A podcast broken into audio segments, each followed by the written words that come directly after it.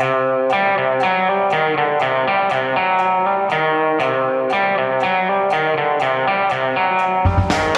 det virkelig sant at eh, Oslo er en egen planet? Og er det fare for at den såkalte delta-varianten gjør at vi ennå ikke kan erklære at pandemien snart er over? Det her er ikke Delta-gjengen, men Gjæverøy-gjengen, og vi skriver den 22. juni. Uh, hei, Tone Sofie. Hallo. Så hyggelig å sitte i studio og ja, se på hverandre. Selv om vi har en sånn skjerm, pleksiskjermglass eh, mellom oss. Og masse sprit på bordet. Ja, vi trøndere er veldig glad når det er sprit i rommet.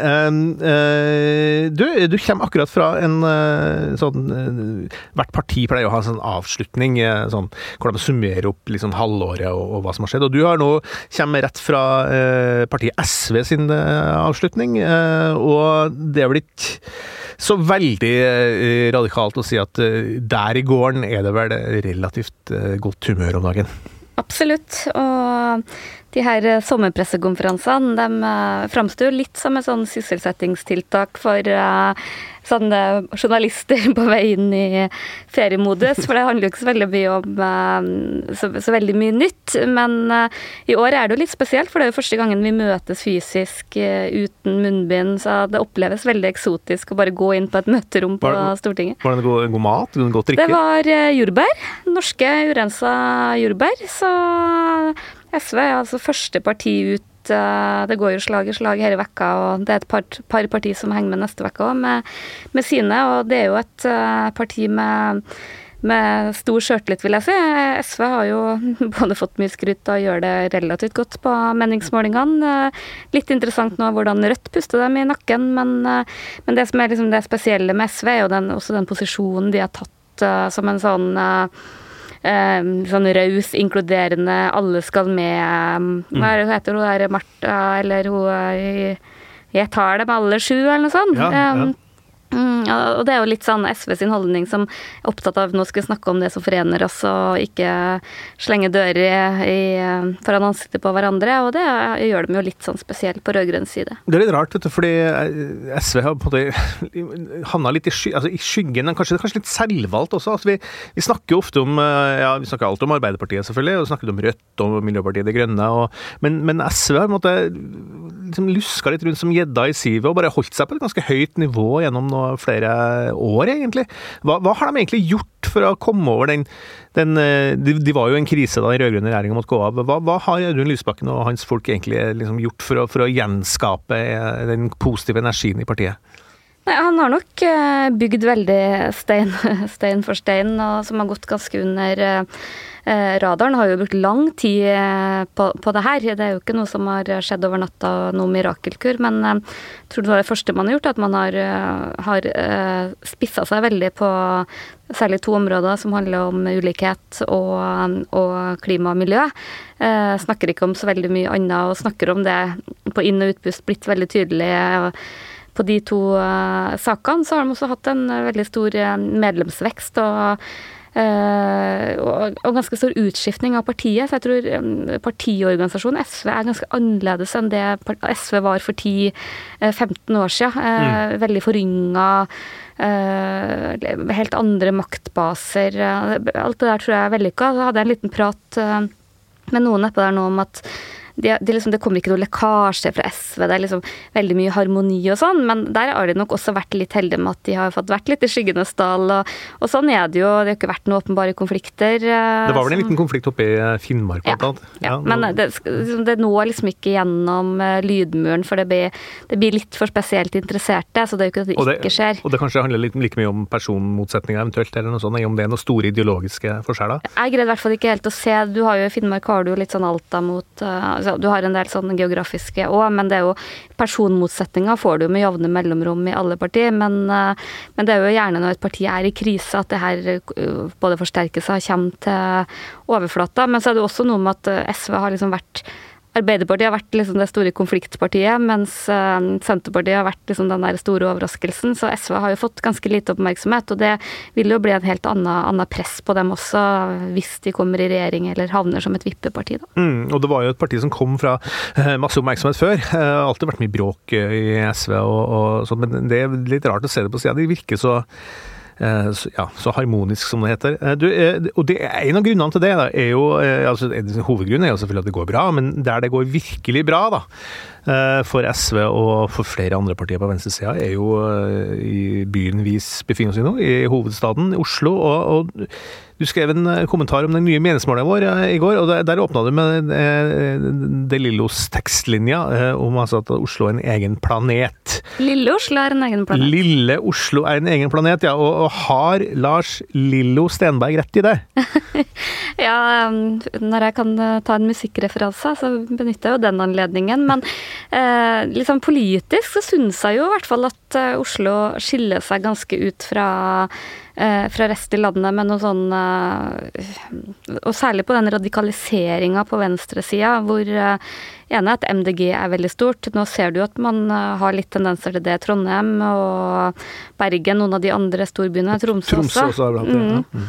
men, men, også den voldsomme framgangen for, for Rødt.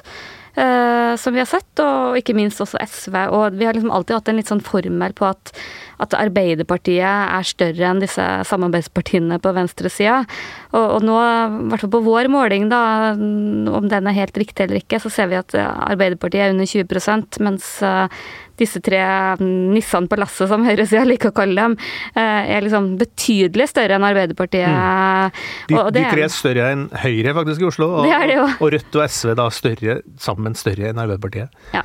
Ja, nå, nå, tror jeg jo også at Oslo har jo også sine eh, spenninger. Jeg tror nok mange sånn i Groruddalen og andre deler av Oslo kanskje ikke kjenner seg igjen i det, men sånn, i hvert fall den delen av byen hvor jeg bor, hvor jeg havna i en litt sånn hipsterenklave og sånn, så tror jeg på en måte at eh, alle har elsykler, og klima er folk opptatt av, og bilen skal ut av byen. og Det, det, det er ganske sånn ulikt politisk univers enn det du kan oppleve mange andre steder, da, som gjør at Oslo skiller seg ganske mye ut. Vi har med oss uh, vaskeekte Oslo-jente Ja, jente er dere ikke lenger, da, Shazia uh, Majid. Jo, si det! men, uh, men, men, men, er du enig? Altså, er Oslo en egen planet sammenlignet med resten av Norge? Ja, det er jo det, vet du. Og uh, slik jeg ser det, så handler det veldig mye om at over én av tre uh, osloværinger har utenlandsk opprinnelse. Og jeg tror at Arbeiderpartiet mister oppslutning i den gruppen. De har jo alltid vært øh, Det har jo vært stor lojalitet for Arbeiderpartiet. Mine foreldre har alltid bare de facto stemt Arbeiderpartiet. Sånn har det vært i tiår etter tiår. Men barna deres de nye generasjonene er mer radikale. Og de aller, aller fleste jeg kjenner eh, stemmer jo da enten SV, men stadig flere går også nå over til Rødt. Og så har vi også hatt sant, eh, denne Israel-Palestina-krigen nylig, og det tror jeg også på en måte er med på å dytte eh, store grupper med innvandrerbakgrunn over til Eh, Rødt og SV. Det, så, så, ja. Men da er det sånn at det, det hipsterne fra der, der Tone Sofie bor nede på i, i Oslo øst, indre Oslo øst, og i Groruddalen og andre deler der, der som det er veldig mange med minoritetsbakgrunn, det er de som sørger for at det er Oslo en egen planet. da. Men, men det er jo det er jo det er i hvert fall helt tydelig, Tone Sofie, at, at, utover landet så er trenden annerledes, som du sa. ikke sant? Eh, jeg ser på meningsmålinga i, eh, i Møre og Romsdal, var så, så de, de, radikale partiene gjør det veldig dårlig. Der Høyre og Frp gjør det bra. sånn. Eh, det er en internasjonal trend der, er ikke det? At byene er mye mer radikale, enn, eller venstreradikale, enn en, en, utover på bygdene. Mm, ja, og jeg tror nok at at det er et skille der. Og det handler nok også om hvem er det som flytter til byen. Det er veldig mye unge folk eh, mm. stemmer annerledes. Veldig mange med høyere utdannelse stemmer annerledes.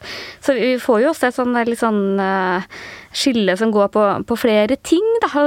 Hvis du ser på unge folk, så er jo de mer opptatt av miljø og klima enn en eldre. Du har en del sånne faktorer som nok uh, forsterke det, men, men, det er jo også litt sånn uh, interessant hvis uh, særlig Oslo, men også andre storbyer blir veldig ulike omlandet sitt. Og nå trakk jeg liksom fram med vilje Møre og Romsdal, for det er nok et sånt fylke som er andre ytterligheten. Mm. Hvor um, Sylvi Listhaug sitt parti har 18% på meningsmålingene nå, liksom, i den krisetida hvor KrF er mye større enn alle disse partiene på venstresida og, mm. og Høyre og Senterpartiet og Frp er liksom de store partiene. Det, er veldig sånn veldig motsetningsfylt fylke. Som jeg skrev litt sånn I Oslo så er liksom det elsykkende byråkrat det er liksom et honnørord. Der tror jeg fortsatt at det er først og fremst et skjellsord som man hører sånn rundt i landet. Ja, Vi har jo en i redaksjonen vår som er derfra. Han er ikke så veldig glad i, i sånne elsyklende byråkrater heller. Eh, Nei, og ser nok ganske annerledes på veldig mange av de spørsmålene eh, som eh, får mye oppmerksomhet om dagen. Og en annen, annen skillelinje som ligger altså Det er jo litt fra det du sier, men det handler jo på en måte om at byene er mer liberal også, har litt mer mm. liberale verdier. Mm. Og det ser vi jo i, i, mange land i hele Europa, ikke minst i Øst-Europa. Det er jo veldig stor Der, der er det en enorm forskjell på byene og, og, og by og land. Da. Det, det, er jo synd at det skal være sånn. Er, er det bare Blir det sånn av seg sjøl, eller hva, hvilke megatrender vi snakker om her, egentlig? Nei, jeg vet ikke, men jeg tror jo Har folk på bygda blitt mer eh, reaksjonære med tida, eller er det, er det bare en sunn motvekt mot alt det der surret vi driver på med her i storbyene? Jeg, tror liksom en utfordring, da, hvert fall når man lever livet sitt i en stor by og omgås folk som er veldig lik seg sjøl, at du lett tror at sånn tenker alle.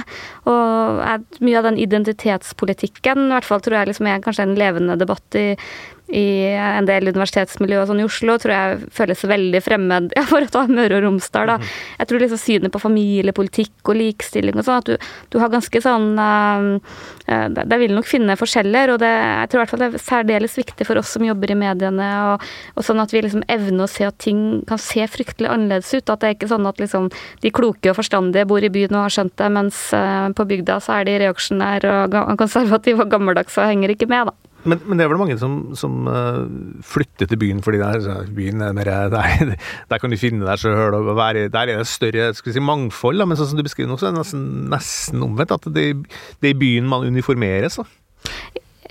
Tja, nei, det vil jeg jo ikke si. Og liksom, det interessante med Oslo, hvis man går litt sånn i, i bakgrunnstallet, at du har jo ja, f.eks. de bydelene hvor jeg bor, sikkert utpå der hvor du bor.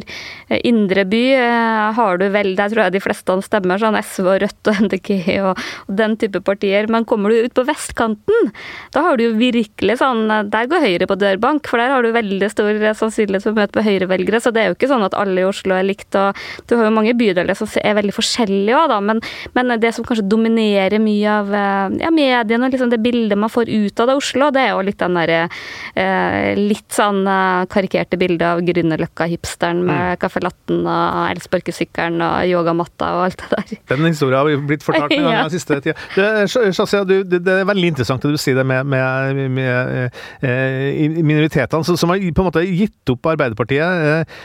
Hva, hva er egentlig altså, Tok Arbeiderpartiet minoritetene litt for gitt en periode, eller er det, er det, er det andre grunner til som, som, på en måte at, at, at det er andre som, som, som, tiltrekker seg de stemmene nå? Jeg tror at Arbeiderpartiet har tatt dem for gitt, og egentlig så tror jeg også det handler litt om at man ikke at den lojaliteten var så sterk, og jeg forstår egentlig ikke hvorfor. fordi at Arbeiderpartiet har jo helt fra 70-tallet vært veldig restriktive i innvandringspolitikken. Ikke sant? Men allikevel så klarte de å etablere seg veldig sterkt, særlig i det pakistanske miljøet. Men um, det fungerer ikke like godt lenger. Uh, og de har ikke det, det tekket lenger for, overfor den gruppen. Og så tror jeg det handler om rett og slett om at barna deres har blitt voksne og er, uh, kan stemme og har helt annen utgangspunkt da, for, å, for, å, velge seg en parti. Og jeg tror på en måte at MDG er veldig liten i innvandrerbefolkningen. Det er stor motstand mot Det var stor motstand mot bomringen, det har vært stor motstand mot liksom ja, at, at bilen er eh, fjernet fra Oslo sentrum. Ja, Du tar ikke bilen fra en eh, pakistaner, Shazia? Nei, eh, det er alvorlig. Nei, det er veldig interessant det Shazia sier der, for akkurat synet på bilen, der tror jeg nok at, uh, at mange fra innvandrermiljøet da uh, sliter med, med, det som har vært den rød-grønne politikken i Oslo. Man er vant til å forholde seg til bilen på en annen måte, bor kanskje mange utafor og er inne og handler, og mange jobber som taxisjåfør osv. Så, videre. så Så det har jeg hørt, i fra Arbeiderpartikretser, at det har vært noe som de stadig vekk blir eh, utfordra på fra tradisjonelle eh, innvandrervelgere, da. Ja, det er, det er så kjempeinteressant, eh, men tida går, som det heter. Vi skal snakke om noe som er også interessant, men som jeg begynner å bli Unnskyld ordet, jævlig lei av. Så er det koronaviruset. Altså Vi er ikke ferdig med det ennå. Jeg føler sjøl at jeg på en måte ikke, om ikke ferdig, så kjenner jeg at jeg er mye lavere skuldre på det her nå enn før. Men men eh, nå er det altså det som da kalles for deltaviruset, som, eh, som er i ferd med å ta over, da. Og eh, Shazia, hva er, hva er deltaviruset, og hvorfor skaper det så stor bekymring rundt om også i Norge? Deltavarianten er jo den som først ble oppdaget i India. er bedre å si, ja. ja. Ja, jeg tror det er riktig. Den ble jo oppdaget i India, og vi har jo sett eh, hva som skjedde i India. Det er klart at det er fryktelig skremmende når vi har de bildene ferskt i minne. Og eh, nå er den varianten i ferd med å dominere i flere og flere europeiske byer. Eller sorry, europeiske land, da. Og den dominerer jo i eh, Storbritannia, som jo var der den britiske varianten stort sett kom fra, til Norge. Så, så, det er klart at det skremmer litt. Det er jo en liksom skår i gleden da, nå når vi nettopp har klart å gå inn i fase tre av gjenåpningen og det, det, det, med fase tre altså, jeg, merker at alt som har som er sånn Hvilke tiltak som gjelder nå, og hvilke faser sånn, det, det bare begynner, For meg blir det sånn eh, bare, det, glir forbi. altså bare at Det eneste vi tenker på, at ja, endelig så virker livet mer normalt igjen, og så kommer det der delta-greiene og, og sprer litt frykt igjen. da. Men, men samtidig så sier jo både FHI og vår venn Nakstad møter jo deg med en litt sånn ja, noe som virker litt lave skuldre. Jeg tror dette kommer til å gå bra, jeg. Eh, Hans Petter. Eh, den delta-varianten. Eh, fordi at det som er forskjellen mellom delta-varianten og den alfa-varianten, som var den britiske varianten, det er at stadig flere er fullvaksinert. Både i Norge og i Europa, og ikke minst i Storbritannia, hvor 60% av alle voksne er fullvaksinerte. Så selv om det nå er 10 000 nye smittede i eh, Storbritannia daglig nå, eh, det er en kjempeøkning, så er Boris Johnson liksom ganske, ganske rolig om det. Og grunnen er jo rett og slett at vaksinene fungerer. Men de har jo utsatt uh, gjenåpninga, så det, de er jo, de er ja, det, har de. det ligger jo som en sånn ekkel liten ja. greie bak men her. Da. Om, ja, men det handler om at uh, han vil ha flere vaksinerte, fullvaksinerte. Og, og i løpet av de tre-fire ukene, de fire ukene det gjelder, da, det, så skal han ha da klart å fullvaksinere to tredjedeler av den voksne befolkningen. Så det handler ikke om at man vil se det samme, at vi får ikke en ny bølge, tror jeg. Det er ingen grunn til å tro det, fordi at eh, det som er bra, er at Pfizer og også AstraZeneca fungerer eh, veldig like godt mot delta-varianten som andre varianter hvis man har to doser. Har man én dose, så fungerer den litt dårligere eh, mot denne enn andre. Altså vi som har Du har fått én vaksinedose. Eller har du fått to? Jeg har fått én, ja. Ja, jeg har også fått én. Så vi er 33 Vi er bare halvvaksinert. Ja. Vi er halvvaksinert. Så vi er 50% beskytta nå mot alle de gamle variantene, og så er vi 33% beskyttet mot delta-varianten. Så det er litt dårligere, men eh, så viser det seg nå at selv med bare én dose så unngår man den alvorligste sykdommen. Sånn at hvis, hvis man blir smitta av det her, så kan man bli syk, men ikke så veldig syk? Og så er det sånn at vi i juli-august kommer til å få over to millioner doser hvis alt går etter planen. Og eh, mest sannsynlig så kommer dette viruset Dette viruset kommer til å bli dominerende i Norge også. Vi må bare være forberedt på det. For det har alle de variantene som kommer, ja, kommet inn, og så har de tatt over liksom, hegemoniet, ja, ja, vi, virushegemoniet. Vi har jo hatt utbrudd av delta nå i Norge. Flere små lokale utbrudd som man har klart å kontrollere. Hvis vi klarer å kontrollere de små mm. utbruddene vi har frem til høsten, så er jo, eh, skal jo de aller fleste voksne være vaksinerte. Veldig oppløftende og optimistisk tone der, Shazia. Du som sitter på hjemmekontor, da. I studio, Tone, bare helt på slutten her. Er du redd for delta-varianten? Overhodet ikke. Nå har jeg ikke akkurat vært så veldig bekymra i pandemien. Og når ikke engang Nakstad er bekymra, da skal i hvert fall ikke jeg bruke en kalori på å være det. Å, så nydelig. Der, der tror jeg vi runder av på en veldig high note her i dag. Shazia Majid, du har vært med oss fra ja, du er på Jeløya, tror jeg. Utafor Moss. Her i studio, Tone Sofie Aglen og etter Hans Petter Sjøli, og mannen som absolutt ikke er en delta, men en soleklar alfa, er vår produsent Magne Antonsen.